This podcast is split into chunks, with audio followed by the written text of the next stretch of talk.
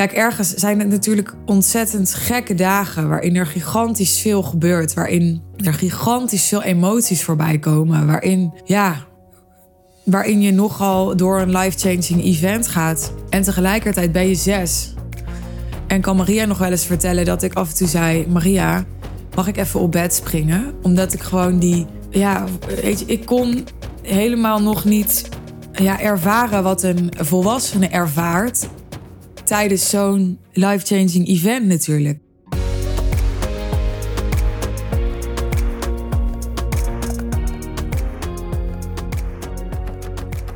Ja, ik waarschuw je vast. Ik ben een beetje in een uh, melancholische bui. Nou, dan klink ik natuurlijk ook nog behoorlijk melancholisch. Dat deed ik in de laatste podcastaflevering al, maar ik denk dat het nu nog erger is. Dus ik dacht, nou, ja, misschien kan ik deze week gewoon helemaal niet podcasten. En toen dacht ik, ja, ja, waarom ook niet? Als het ergste is dat het een beetje, nou ja, klinkt als schuurpapier, dan uh, denk ik eigenlijk dat het wel uh, overkomelijk is. En als je er heel erg aan stoort, dan uh, zet je hem maar af. Maar ik zit hier, ik ga even een, een soort contextomschrijving doen met een uh, bakje uh, plantaardige park naast mij. Op mijn thuiskantoor. Met op mijn bureau een uh, foto met mijn dochter en een foto met mijn vriendje. En uh, met een uh, kaars aan, een geurkaars. En ik was net aan het selecteren door de portretten die uh, Lise Lora, de fotograaf waar ik vaak mee samenwerk, heeft gemaakt tijdens uh, de laatste HLSOD, zoals wij die achter de schermen noemen. Dus High Level Sales One Day Intensive. En ik vond het allemaal heel mooi beeld. En er zat ook beeld bij met mijn dochter. En ja, ik merkte dat het me allemaal wel raakte. En dat ik moest denken aan dat deze week. En als jij deze aflevering luistert, dan zal het gisteren zijn geweest. Het is namelijk 17 november. De sterfdag is van mijn moeder. Nu heb ik eigenlijk jarenlang, sinds ik online zichtbaar ben, helemaal nooit zoveel over haar of over haar overlijden gedeeld. En de laatste jaren heb ik dat meer gedaan. Je hebt natuurlijk, of natuurlijk, je hebt misschien ook gezien en gehoord dat ik voor de High Level Sales One Intensive in maart een nummer had geschreven, omdat dat event toen op haar verjaardag was. En deze week is haar sterfdag. En nou ja, ik had al mijn twijfels om hier een podcast over op te nemen, want ik dacht, ja, ik heb dat nummer ook al gemaakt en ja, kom ik weer aan met, met mijn zielige verhaal. En toen dacht ik, nee, over het algemeen is het niet zo heel goed of helpend om naar dat soort stemmen te luisteren. En ik moest ook denken aan Ozana, mijn uh, persoonlijke assistent, die mij ja, helpt met allerlei privézaken regelen. Die vroeg laatst aan mij, terwijl ze mij inmiddels behoorlijk goed kent, waaraan is je moeder eigenlijk overleden? En toen dacht ik, oh ja, er zijn dus nog steeds mensen, ook mensen die heel dicht bij mij staan, die dat niet weten, die dat verhaal niet kennen. En het gebeurt me nog regelmatig dat mensen de aanname doen, wat helemaal niet gek is, denk ik, dat mijn moeder ziek was. Maar dat was ze niet. En ik dacht, nou ja, als ik hier dan toch in die melancholische bui en setting zit en het is dan toch deze week de sterfdag, laat ik dan gewoon eens vertellen wat er eigenlijk is gebeurd. En je kan daar misschien niks mee. Je hoeft er natuurlijk uiteraard ook niks mee. Ik wil deze podcast ook niet als uh, therapie gebruiken. Ik dacht nog aan de uitspraak delen is helen, maar ik dacht ja, dan gaat het weer heel erg over mij. Is ook weer niet de bedoeling. Ik zeg altijd tegen mijn klanten, ja, je marketing is niet je therapie. Mag het natuurlijk wel hebben, die functie, maar het is niet het doel. Dus waarom dan wel? Nou ja, ik denk toch voor jou om mij wat beter te leren kennen. Dat is natuurlijk wel onderdeel van marketing, no like trust. En ja, mijn achtergrond en deze gebeurtenissen in mijn leven, die hebben mij ja, zo bepalend gevormd tot wie ik nu ben en naar wie jij nu luistert. Ja, dat ik denk dat het, uh, dat het helpend kan zijn en verbindend kan zijn om, uh, om daar wat over te horen. Dus ik ga gewoon het verhaal vertellen over hoe het ging. Het was een woensdag, weet ik nog. Het zal me later ook wel verteld zijn in verhalen, maar ik heb het volgens mij me ook herinnerd. En uh, ik was zes jaar oud. Nou, je hebt misschien meegekregen dat ik net jarig ben geweest. Dus dat was toen ook zo. Dus ik was net zes jaar oud. En het weekend voordat dit gebeurde, had ik nog mijn kinderfeestje gehad. Dat was uh, het weekend. Ik, ik weet het nog. Ik heb er echt nog herinneringen van dat uh, de intocht van Sinterklaas was. En ik organiseerde een kinderfeestje samen met Thijs. Thijs was mijn, uh, ja, mijn basisschoolvriendje, maatje. En Thijs was jarig in december. En wij gingen dus samen in november ergens in het midden ons kinderfeestje vieren. Dat werd een Halloweenfeestje. Ik ben jarig rond Halloween. En Halloween was toen nog helemaal niet zo'n ding als het nu is. Maar ja, ik had best wel een heel uh, creatieve moeder. Ik had een heel creatieve sociale moeder. En die bedacht, we gaan een Halloweenfeestje doen met lampionnen. En nou ja, die maakte er dan een heel thema van. Weet je wel, met thema bordjes en versieringen. Nou ja, ik zie mezelf nog met zo'n lampion uh, door het bos lopen in het donker. Spannend, spannend, zes jaar oud. Maar ik zie dus ook nog voor me dat ik uh, ja, aan het wachten was tot de, vriendjes en vriendinnetjes gingen komen en het feest ging beginnen. En ik tv zat kijken naar de intocht van Sinterklaas, want was die dag. Nou, dat was dat weekend. En uh, toen was het woensdag. En mijn moeder die, uh, die bracht mij die dag naar school, als ik het goed zeg. Ik geloof dat, uh, ja, dat mijn moeder me wel meestal naar school bracht. Misschien mijn vader soms ook. En ze haalde me dan niet uit school, want ik had een oppas, Maria waar ik nog steeds zo goed contact mee heb, die nog steeds mijn afgelopen verjaardag was. Ik zie haar als soort oma. Past al op mij, nou ja, ze zeggen sinds ik in de buik zat, zoals ik me al aangenomen toen ik nog niet geboren was. Dus dat is al uh, bijna 30 jaar inmiddels. En Maria die uh, haalde mij die woensdag dus ook uit school. Om, uh, ja, wat is dat op woensdag 12 uur? Hè? Dan heb je altijd een korte dag. En ik vertel het hoe ik het me herinner. En er zullen ongetwijfeld fouten in zitten. Maar dat maakt natuurlijk niets voor uit. Het gaat niet om, om de daadwerkelijke feitjes. Dit is globaal het verhaal en mijn herinnering als zesjarige. Gecombineerd met wat ik natuurlijk later wel heb gehoord uit de verhalen van mijn vader, onder andere. Ik, uh, ja, ik word uit school gehaald door Maria. En ik weet dat, dat, dat we thuis kwamen. En we gingen lunchen. En ik kan me zo nog de, de sfeer voor de geest halen. Er was een hele onrustige vibe.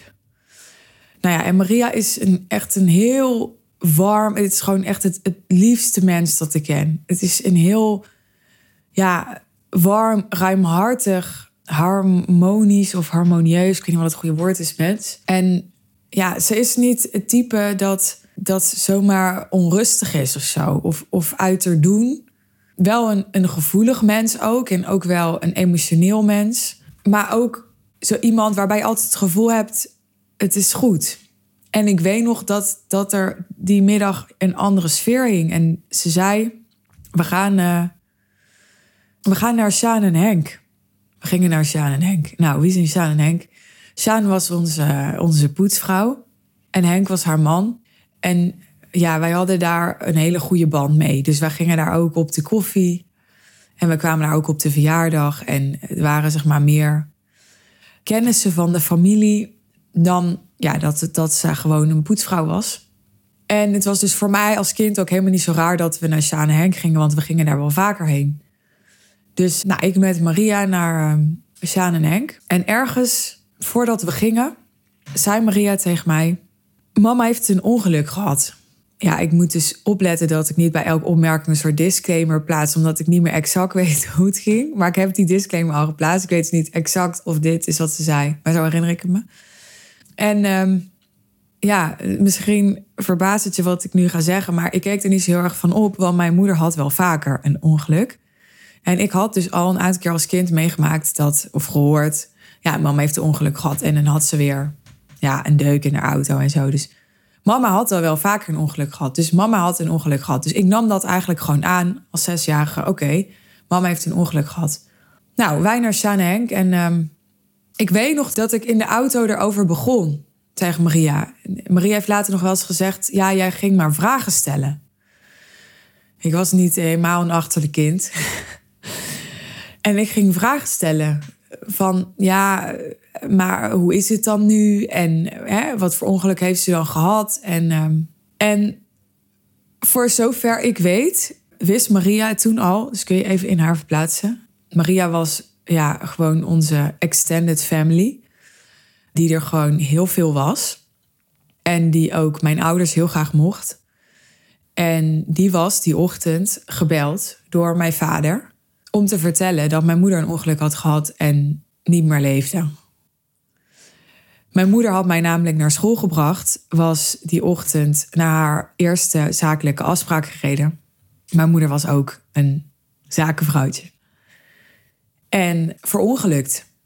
En um, die ochtend is blijkbaar de politie bij ons aan de deur gekomen. Ze hebben achterhaald waar ze moesten zijn. En mijn vader, als ik me goed herinner, die was die dag thuis aan het werk. En mijn vader die deed de deur open. Even twee verhaallijnen zijn dit naast elkaar. En ja, de politie heeft op dat moment gevraagd aan hem: Bent u die en die? En hij zei ja. Nou, toen uh, is hem uh, verteld dat mijn moeder een ongeluk had gehad, dat ze er heel slecht in toe was. Nou ja, ik weet niet of ze het letterlijk zo zeiden, maar in ieder geval was het er wel uit op te maken uit de boodschap dat ze het uh, hoogstwaarschijnlijk niet ging redden. Ze hebben toen mijn vader naar het ziekenhuis gereden in, ik meen, Utrecht ergens. Wij woonden toen in Rosmalen. En ja, mijn vader is toen in de auto achter mij de politie mensen gaan bellen, familie gaan bellen. En toen mijn vader aankwam in het ziekenhuis, toen leefde mijn moeder niet meer. Nou, en dat heeft mijn vader die ochtend ook aan Maria verteld. En hij heeft tegen Maria gezegd: Wil je het alsjeblieft niet tegen Suus zeggen? Want ik wil het haar graag zelf vertellen dat heeft Maria eh, geëerd, gehonoreerd. Maar ja, als ik daar aan terugdenk, dan denk ik... jeetje, dat was wel... Ja, nou ja, het was voor iedereen heftig. was ik voor mijn vader ontzettend heftig. Maar zij moest op dat moment ja, een, een kind opvangen... waarvan ze wist, jouw moeder leeft niet meer. En wat ze niet mocht laten merken. En ja, ik denk dat ze toen naar Sjane Henk is gegaan... of dat in overleg met mijn vader heeft besproken. Die toen we daar kwamen ook al wisten dat mijn moeder niet meer leefde, om een beetje die emotionele last te dragen. En wat ik later hoorde, dat daar heb ik niet veel van gemerkt als kind, is dat wij die hele middag spelletjes hebben gedaan daar. En dat zij met z'n drieën om de beurt ja, de gang opliepen, omdat ze allemaal moesten huilen. En ik mocht dat niet zien. Maar ik voelde wel, ja, ik bedoel, zo gaat het bij kinderen. Ik voelde wel dat er iets aan de hand was. Maar het is heel moeilijk als je zes bent om zoiets te plaatsen. Hè? Wat is iets dan? Ik bedoel, je snapt amper wat, wat de dood betekent. Dat is natuurlijk zo'n abstract concept nog als je zes jaar bent. Ja, er is één specifiek moment. Het is heel gek dat dan van die willekeurige momenten zo blijven hangen. Maar ik, ik zie mezelf nog zitten in die woonkeuken bij Sjaan en Henk. In, uh, in Rosmalen, in Maleskamp. Ze woonde op een uh, ja, soort grote boerderij, kan je misschien eens bij voorstellen, met zo'n woonkeuken. En ik zie mezelf naar de klok kijken boven de muur. En ik kon, denk ik, dus al klok kijken. Ik weet niet zo goed hoe jong kinderen kunnen klok kijken eigenlijk. Maar ik kon op dat moment al klok kijken. En ik zag op een gegeven moment dat het half negen of negen uur s'avonds was. Wij waren daar dus ook blijven eten. En ja, ik, ik, er was al lang bedtijd voor mij. Dus op een gegeven moment dacht ik, daar is hier iets geks aan de hand. Wij moeten, wij, ik kom thuis, wij gaan naar Sjaan en Henk. We gaan hier de hele middag blijven. Eigenlijk weet ik niet zo goed waarom. Want het was nou ook weer niet iets wat we elke woensdagmiddag deden. Dan zou mijn vader me normaal gesproken al lang hier hebben opgehaald. Of we hadden al lang thuis met mijn vader gegeten. En mijn moeder, uiteraard. En nu is het half negen of negen uur en we zitten hier nog steeds. En ik had al lang naar bed gemoeten. Wat is hier aan de hand? Ik kon dat, die dingen kon ik wel bij elkaar optellen, hoe jong als ik was. En toen ja, kwam er een moment, en dat zie ik nog voor me, dat mijn vader die deur doorkwam. Die uh, deur van die woonkeuken. Hè, die kwam altijd achterom daar. En ja, er moet een soort doodse stilte gevallen zijn. Want ja, kan je voorstellen, er zitten drie volwassenen die alle drie weten dat een vader zo aan zijn kind moet vertellen van zes jaar oud dat haar moeder niet meer leeft, die haar die ochtend nog naar school had gebracht. Nou, dat is natuurlijk nogal wat. Dus ja, dat was een heel um, stil en pijnlijk moment, zoals ik me herinner. En mijn vader die neemt me mee naar de, de woonkamer. En hij zegt iets als, nou ga maar even zitten. En ik weet nog dat we tegenover elkaar zaten. En hij begint te praten. En ik herinner me iets als, ja, dat hij begon aan een soort beschrijvend verhaal. Wat aansloot bij wat Maria me ook al had verteld. Dus een verhaal als, hè, nou je hebt misschien van Maria gehoord. Of je hebt van Maria gehoord dat, ehm, dat mama een ongeluk heeft gehad. En nou, zo begon hij wat te praten. En ik weet nog, bij de eerste zin dacht ik meteen, ze is dood. Terwijl ik ook, ja, het is heel gek, me herinner dat ik dus amper snapte wat dood was. Maar ik voelde meteen, dit is uh, helemaal niet goed en dit is heel definitief. En dit gaat hij me nu vertellen, meteen. En nou, uiteindelijk sprak hij dat ook uit. Hè? En toen is mama dood gegaan. En ja, ik, ik, terwijl hij aan het praten was, begonnen de tranen over mijn wangen te rollen en was ik nog vrij stil. En volgens mij heeft mijn vader later gezegd dat ik toen heel hard heb gehuild. Ik weet niet meer precies of het toen was, kan ook later zijn geweest. Maar er is één moment geweest dat ik heel hard heb gehuild. En daarna een beetje te weinig. Naar mijn vaders. Uh, nou ja, hoe zeg je dat? Wens is heel raar om te zeggen. En norm is ook raar om te zeggen. Maar hij snapt wat ik bedoel. Naar mijn vaders idee. En ik herinner me nog dat hij me optilde. En dat we zo die woonkeuken doorliepen naar buiten. En daarbuiten stond een auto klaar. Daar zat mijn oom in, de broer van mijn vader. Die, die reed. En wij zijn toen met z'n drieën naar ons huis gereden. En van het moment dat ik toen ja, mijn huis, eh, dus mijn ouderlijk huis binnenkwam, heb ik ook weer zo'n beeld dat op mijn netvlies gebrand staat. Want mijn vader had mij op de arm en ik keek zeg maar over zijn schouder. dus mijn hoofd keek over zijn schouder. Snap je denk ik wel wat de houding was. En wij kwamen binnen via de achterdeur en het huis was vol mensen. Vol mensen. Want waarom moesten wij nou smiddags naar Sjaan en Henk? Omdat mijn moeder naar huis zou komen. Die zou thuis opgebaard worden. En ja, daar, daar gingen allemaal mensen zich verzamelen. dus daar kwamen familie en vrienden bijeen. Mijn moeder was 39. Had een eigen bedrijf. Had twee kinderen. Was een heel sociaal mens. Had een gigantisch netwerk. Dus ja, er waren nogal wat mensen verslagen door dit bericht. En het, dat raakte nogal wat ja, niet in de laatste plaats natuurlijk ook haar eigen familie. Haar ouders, haar broer, haar zus, haar beste vriendinnen ook. Maar ook de familie van mijn vader, die ook allemaal een hele goede band met haar hadden. En ik weet nog dat we aankwamen lopen en dat er heel veel, er waren heel veel stemmen en geroezemoes. En ik kom binnen door die achterdeur met mijn vader. En er was doodse stilte. Al die mensen, die keken naar mij met een soort, ja, blik vol medelijden. Want iedereen die, die had in zijn ogen staan: dit meisje heeft nu geen moeder meer. Dus dat werd door een soort honderd laserstralen werd op mij afgevuurd. Zo voelde dat voor mij op dat moment. Er werd niks gezegd, maar iedereen keek naar mij als zijnde... Ja, dit meisje heeft nu geen moeder meer, weet je wel? Jij hebt nu geen moeder meer. Gewoon met zoveel verdriet en pijn en medeleven en medelijden en noem het allemaal op. En hoe het die avond verder is gegaan, weet ik niet meer exact. Maar ik zal wel op bed zijn gelegd. Het was dus al voorbij mijn bedtijd. En die dagen daarna waren, ja, waren, ja, hoe zal ik het omschrijven?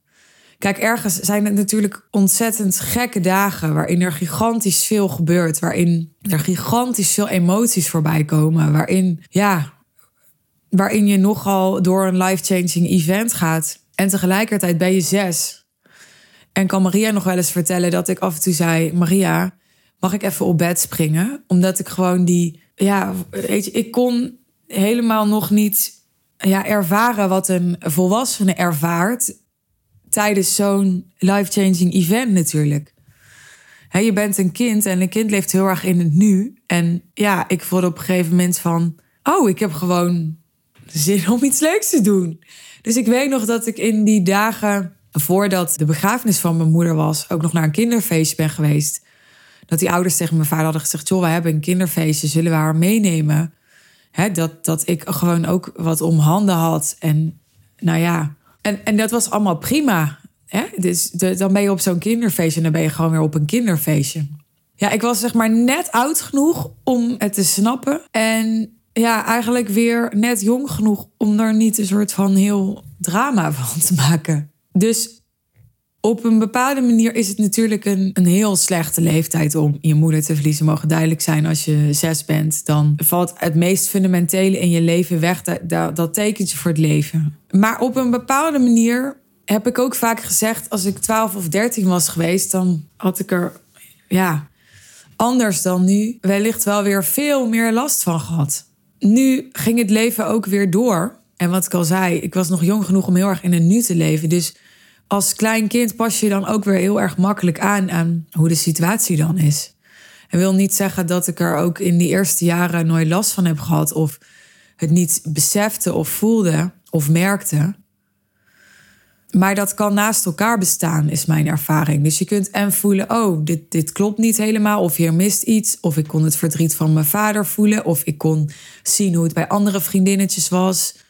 Maar tegelijkertijd was ook weer mijn wereld nog steeds de norm. En voor mij was normaal dat, dat ik er was met mijn vader en met mijn zusje. Want die heb ik nog helemaal niet genoemd in dit verhaal. En dus niet omdat ik haar uh, geen uh, recht wil doen, maar dat is omdat zij uh, zes maanden was. En waarschijnlijk ja, hier dus ook bij was. En ook bij Saan en Henk was, vermoed ik. Maar ja, zij was echt nog een baby. Dus aan haar was niet iets te vertellen, met haar was niet iets te bespreken. En zij leefde nog veel meer in het nu. Dus zij heeft helemaal geen actieve herinneringen aan onze moeder. En ja, mijn leven ging dus door met school, met alle mensen om me heen, waaronder mijn vader en mijn zusje. En ja, zonder mijn moeder. Dat, dat was de, de aanname die ik, die ik had te doen op dat moment als kind. Dat ik geen moeder meer had. Waar je denk ik op latere leeftijd daar veel meer weerstand over kan hebben en boos over kan zijn en dat soort dingen. Ja, heb ik dat op die leeftijd niet zo ervaren. Nou, dit uh, was vooral het verhaal vanuit ja, mijn perspectief als uh, jong meisje. Maar even over wat er met mijn moeder is gebeurd. Mijn moeder is dus verongelukt met de auto. En ja, mijn vader die heeft al een aantal keer gezegd in de tijd ja, is het niet wat om een uh, privéchauffeur te nemen. Want ja, mijn moeder was. Nou, ik lijk best wel op haar. Ik heb hem misschien iets minder dan zij, maar ik kan me er wel een goede voorstelling bij maken hoe het was. Ik, ik kan ook best wel een chaotisch en dromerige persoon zijn. En ik ben wat minder een soort vlierenfluiter en levensgenieter en sociaal dan zij. Ik heb weer wat meer het, het kritische en het bedachtzame en misschien ook een stukje gereserveerde van mijn vader. Maar, nou, ik weet eigenlijk niet of gereserveerd het goede woord is. Maar, nou ja, ik ben niet zo graag onder de mensen als zij. Laat ik het zo omschrijven. Ik denk dat zij echt helemaal niet introvert was. En dat ben ik wel echt. Dus ik denk dat dat het meest fundamentele verschil is. Maar verder lijk ik best wel op haar. En ja, mijn moeder die, die was dus gewoon vaak afgeleid in de auto. Dat was nog in de tijd dat je nog geen smartphones had en nog niet aan het appen was. Maar je kon natuurlijk wel je lippenstift doen. Of uh, volgens mij kon je ook net bellen. Dat wel al in de auto. En ja, dat was wel gewoon al een aantal keer fout gegaan. Plus, en dit is een waarschuwing voor iedereen die dit luistert. Mijn moeder had geen gordel om. Tegenwoordig is dat bijna ja, ondenkbaar. Al is het maar omdat die auto's gaan loeien allemaal. Maar dat was in die tijd. We hebben het dus over. Ja, het was 99 dat dit gebeurde. En het is nu 2022. Dus 23 jaar geleden, ja, was dat allemaal nog uh, iets minder de norm. En mijn vader zegt altijd over mijn moeder: Jouw moeder die zag gewoon nooit gevaar. Die had iets, iets, ja, iets dromerigs, iets naïefs. Dus die heeft mij ook wel eens van de commode laten rollen en zo. En niet omdat ze een slechte moeder was. Maar die dacht gewoon nooit dat er erge dingen gingen gebeuren. Dus die stond ook heel erg blij en, en gelukkig over het algemeen in het leven. En ja, de keerzijde daarvan was dat ze dus soms ja, ook iets, iets roekeloos, ik weet niet helemaal of dat het goede woord is, maar kon hebben. En ja, dat is er waarschijnlijk fataal geworden. Maar wat er precies is gebeurd, zullen we nooit weten, want mijn moeder zat alleen in de auto. Er zijn wel bandensporen gevonden. Er zijn ook wel een paar getuigen geweest. Dus er is wel een ja, redelijk duidelijk beeld van wat er is gebeurd. Ze is eigenlijk in plaats van uit de bocht gevlogen, in de bocht gevlogen bij een afrit.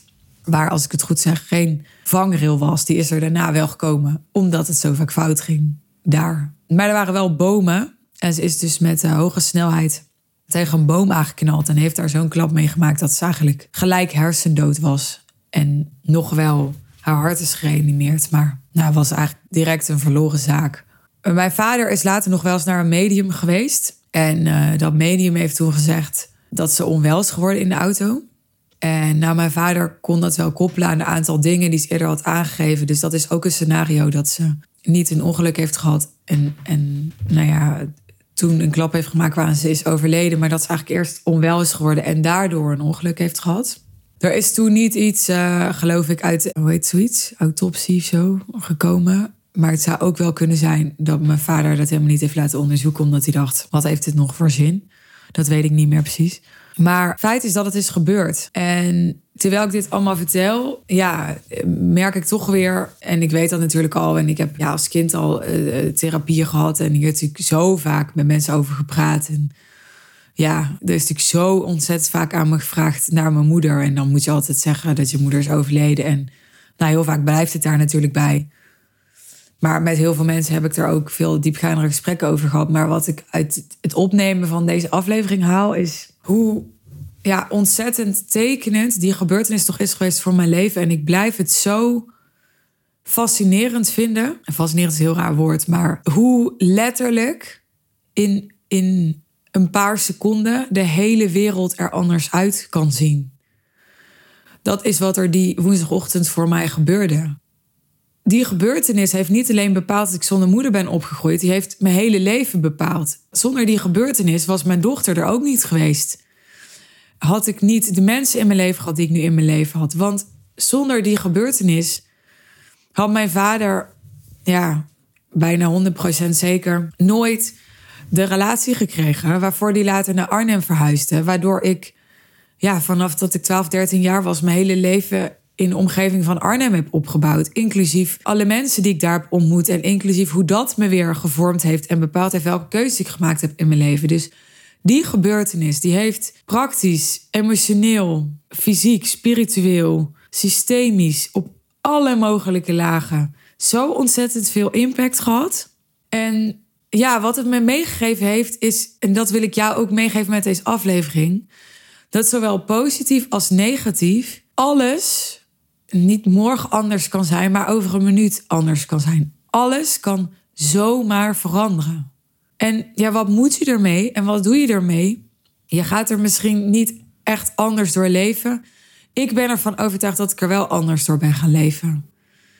Ik heb ook ja, eerder al wel eens verteld dat, dat het met mij heel erg heeft gedaan dat ja, ik merk dat ik dingen niet meer uitstel. Ik ben wel ja, wat rustiger geworden al ben natuurlijk nog steeds een jonge hond met jonge hondenharen. Maar ja, ik ben ook geen 16 meer.